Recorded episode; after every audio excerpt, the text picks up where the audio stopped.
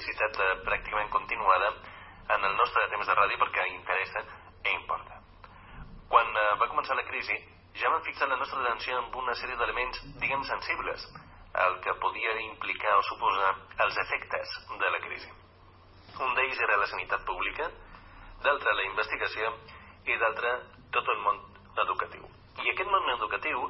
que ha d'afrontar eh, una realitat eh, que va més enllà de simple austeritat, sinó que són retalls que poden estar afectant a, a moltes qüestions i temes preocupa a diferents eh, àmbits relacionats amb eh, l'educació, pares, mares, els propis professors, i ara amb una proposta de canvi legislatiu que ofereix el ministre Verd que crea interrogants. Interrogants que ahir van passar per una taula rodona amb el títol Entendre junts la nova llei d'educació i que volien respondre a quin serà l'objectiu de l'educació, què són les revàlides, quines assignatures es faran i quantes hores a cadascuna, quan hauran d'escollir els alumnes el seu futur acadèmic, si seguirà sent gratuït l'ensenyament, ens encanten les preguntes, perquè quan ens formulem aquestes, normalment dona un debat per trobar les respostes. Avui volem saludar a Josep Castells, d'una de les entitats que va organitzar la, la taula i també participant ens referim a l'Associació de Pares i Mares d'Alumnes, la federació concretament aquí a Menorca. Bon dia. Hola, bon dia. Eh, això de fer-nos preguntes és un bon exercici. El que no sé si la taula de rodona d'ahir, eh, què tal va desenvolupar-se, tot plegat, i si va aconseguir trobar respostes. Home, jo crec que sí. És a dir, vam trobar respostes eh, al neguit i a la preocupació de, dels assistents, eh, que, doncs, entre els quals hi havia professionals l'educació, però també doncs, pares i mares, eh, doncs, bueno, donar respostes a, a si el que han sentit a dir sobre aquesta llei, no? si tot és tan dolent, o hi ha alguna cosa bona, etc. No? I, i, I en aquest sentit sí que es van donar respostes. Ara, a la, el que també es va constatar és que l'educació és una problemàtica molt complexa i que per tant eh, eh, ni tan sols una bona llei eh, tot, tota sola podria resoldre-ho però aquesta encara menys perquè el que vam estar d'acord tots els que vam intervenir a la taula és que és una mala llei tot plegat hi ha una qüestió que, que sempre ho hem estat comentant en els darrers temps eh, ja rodanys eh? i és el fet que tal vegada el que sí que podria ben aprofitar eh, l'educació en el nostre país és que no hi hagués tant de canvis. Home, això eh, efectivament es va comentar que hi ha una mitjana de canvi de llei educativa cada sis anys. Jo la impressió que vaig treure després de sentir eh, els, el, el, els, els participants amb un perfil més de pedagògic, no? de gent que hi entén d'educació, de, la, la, una de les conclusions que vaig treure és que realment eh, eh, qualsevol de les lleis que hi ha hagut eh, eh, mentre, eh, és a dir, eh, mentre hagués tingut 20 anys de vigència segurament hagués donat més bon resultat que cada 6 anys anar-la canviant eh? és a dir, fins i tot més val una, una, mala llei, una mala llei o no, no una tan bona llei però que es mantingui inalterable amb el temps i que per tant permeti fer-hi feina que no anar canviant tan sovint el, eh, el sistema educatiu. Aquest és un problema molt greu que hi ha a Espanya, eh, que és aquesta incapacitat dels partits majoritaris d'establir eh, un consens. I aquesta és, és eh, la crítica eh, doncs, eh, també unànim que vam fer amb aquesta llei. Que, que a més a més cal dir que aquesta llei es presenta a si mateixa només com una modificació de la llei anterior, perquè de fet eh, és una llei que el que fa és introdueix esmenes a la llei anterior, però, és clar, fa una... o sigui, la desballesta absolutament la llei anterior, és a dir, que per tant és un canvi en profunditat eh, i molt dirigit ideològicament eh, per transformar l'educació com havia per transformar la societat. Doncs eh, sembla que no hauríem de xerrar més, no? Perquè sí, hi havia un cert acord en que no és una bona llei, però clar, eh, una cosa és que el pensem, eh, que eh, ho debatim i arribem a, a una idea eh, semblant, però després a l'hora de la veritat de sempre aquest camí que segueix la llei orgànica per a la millora de la qualitat educativa segueix endavant. Sí, mm, esclar, a veure, primer vull puntualitzar que quan dic que estàvem tots d'acord va ser eh, per sorpresa, perquè hi havia un representant de la, de l'administració, que és el delegat d'Educació a Menorca, el senyor Julián Hernández, i després també hi havia la presidenta del Consell Escolar de Menorca, que és una persona, eh, diguem, designada per l'equip de govern del Consell Insular. Per tant, és a dir, la taula era plural en el sentit de que es va convidar a persones que s'esperava que eh, bueno, posessin sobre la taula els aspectes positius de la llei. I la sorpresa de la resta de ponents va ser que en aquest sentit no va haver-hi debat. Dir, va haver-hi debat perquè vam exposar les nostres idees, perquè vam explicar en quins punts no us agradava la llei, però realment va ser una mica decebedor que els representants, els que havien eh, estat convidats per defensar eh, eh, la llei o per explicar quines eren les virtuts de la llei, doncs, doncs no, no, no van compareixer, eh, almenys diguem amb arguments, no? Vull dir, van estar allà però no realment no. I per tant mm, vam, vam perdre aquesta, aquesta possibilitat de sentir arguments a favor de la llei, perquè és una llei que, eh,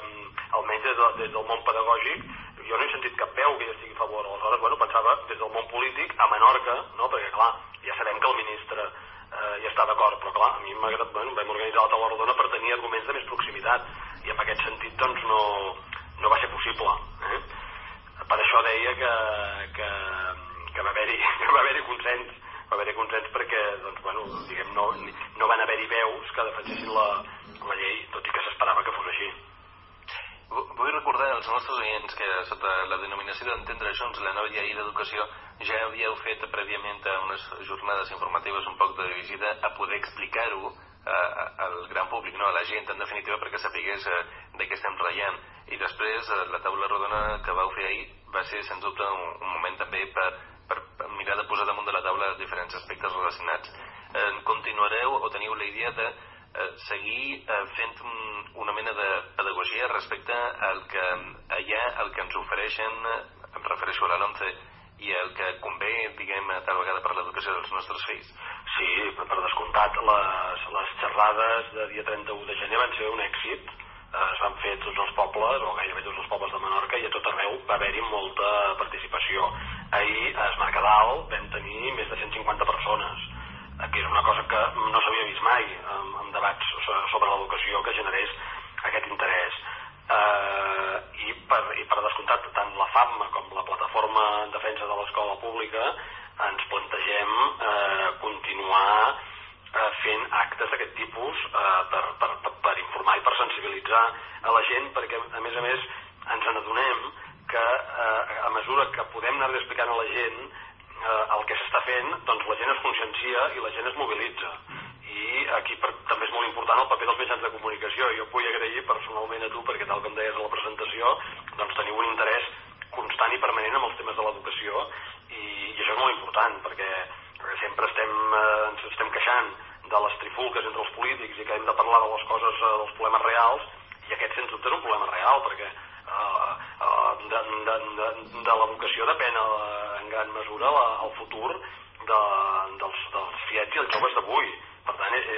és un tema que vitalment ens afecta a tots. I, i per tant és molt important que tinguem els canals per conscienciar la gent sobre aquesta importància i perquè coneguin el que s'està fent, perquè si no, doncs esclar, de la, des de les altres esferes polítiques s'estan coent uns canvis que nosaltres considerem que són negatius pel futur de la gent i, i, i per extensió pel futur de la societat i el futur del país però xerrem de present, perquè és cert que, per exemple, la proposta d'una llei com la del ministre entorn a una... se suposa que millora, una llei o un marc legislatiu s'ha de fer per millorar, si no, almenys per, per dirigir cap a altra banda, si volem dir d'aquesta manera. Però tot plegat del present, en el dia a dia de, de, dels col·legis i escoles aquí a Menorca, eh, l'educació està realment patint aquest eh, marc ofegant de la, de la crisi, pels retalls, el que comentaven d'aquestes polítiques d'austeritat. Sí, Sí, això ja, com que a veure, eh, hi ha molta gent que està relacionada amb el món educatiu perquè hi porta, hi porta els fills, no? és, un de, és una de les estructures de la societat que més, que, que, que, que, que, que més universal, no? És a dir, molta gent hi té relació i té contacte, efectivament, vull dir, en aquests moments, doncs,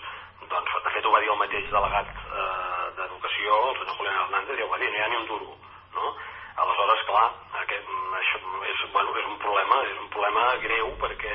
sobretot això es nota eh, amb l'augment de les ràtios, no? És a dir, clar, quan ja estem parlant de més de 30 alumnes en una classe, doncs clar, vull dir, aquí no hi ha cap possibilitat ni d'atenció personalitzada ni, eh, ni de cap mesura de qualitat i quan s'estan eh, eh, eliminant tots els programes d'atenció a la diversitat, que és un dels de grans reptes que té el sistema educatiu, l'atenció a la diversitat, diversitat de problemàtiques, no? de, de fiets que tenen doncs, nivells de maduració molt diferent, nivells d'aprenentatges molt, molt diferent, i després també diversitat cultural. A la nostra illa no només tenim tota la diversitat que prové de, la, eh, les migracions extracomunitàries, sinó també les intracomunitàries. Això fa, bueno, eh, som la comunitat autònoma amb un percentatge més alt d'estrangers a les aules, que depassa el 20% que prest està dit, és moltíssim això, no? I clar, i això evidentment genera totes unes problemàtiques que si no hi ha el suport adequat, eh, el professorat es veu superat per, per, per, per poder fer una feina de qualitat. Hi ha una de les qüestions que eh, implica concretament eh, la proposta de, de la o de la LOMQE, la Llei Orgànica per la Millora de la Educativa, que, que apunta que certament hi ha tasses més altes eh, fa realment que hi hagi una educació per qui se la pugui permetre o tal vegada és massa exagerat plantejar-ho així? A veure, eh, és clar, aquesta pregunta eh, requereix molt, molta estona per respondre-la bé, no? I per tant eh, intentaré resumir-ho, no? Eh, eh, diguem que, que aquesta llei eh, eh, que eh, amb totes les mesures que conté, eh, assumeix que és impossible que hi hagi un sistema universal de qualitat. Universal vull dir per tothom. És a dir, com que no és possible eh, que tothom rebi una educació de qualitat, eh, ho farem d'una altra manera. Eh, ho muntarem de manera que pugui haver-hi una elit eh, més ben preparada i que aquesta gent eh, eh, siguin els que liderin el país i després tinguem doncs, tota una altra gent que eh, hauran passat per un sistema educatiu de mala qualitat que eh, poden eh, bueno, doncs que, fa, que faran les feines subalternes al cap i a la fi serà això és molt greu que per implementar això mm, amb, amb, què, es fa servir? La formació professional és a dir, un dels grans llasts històrics del nostre sistema educatiu que és que la formació professional no està prou valorada amb aquesta llei no només se soluciona això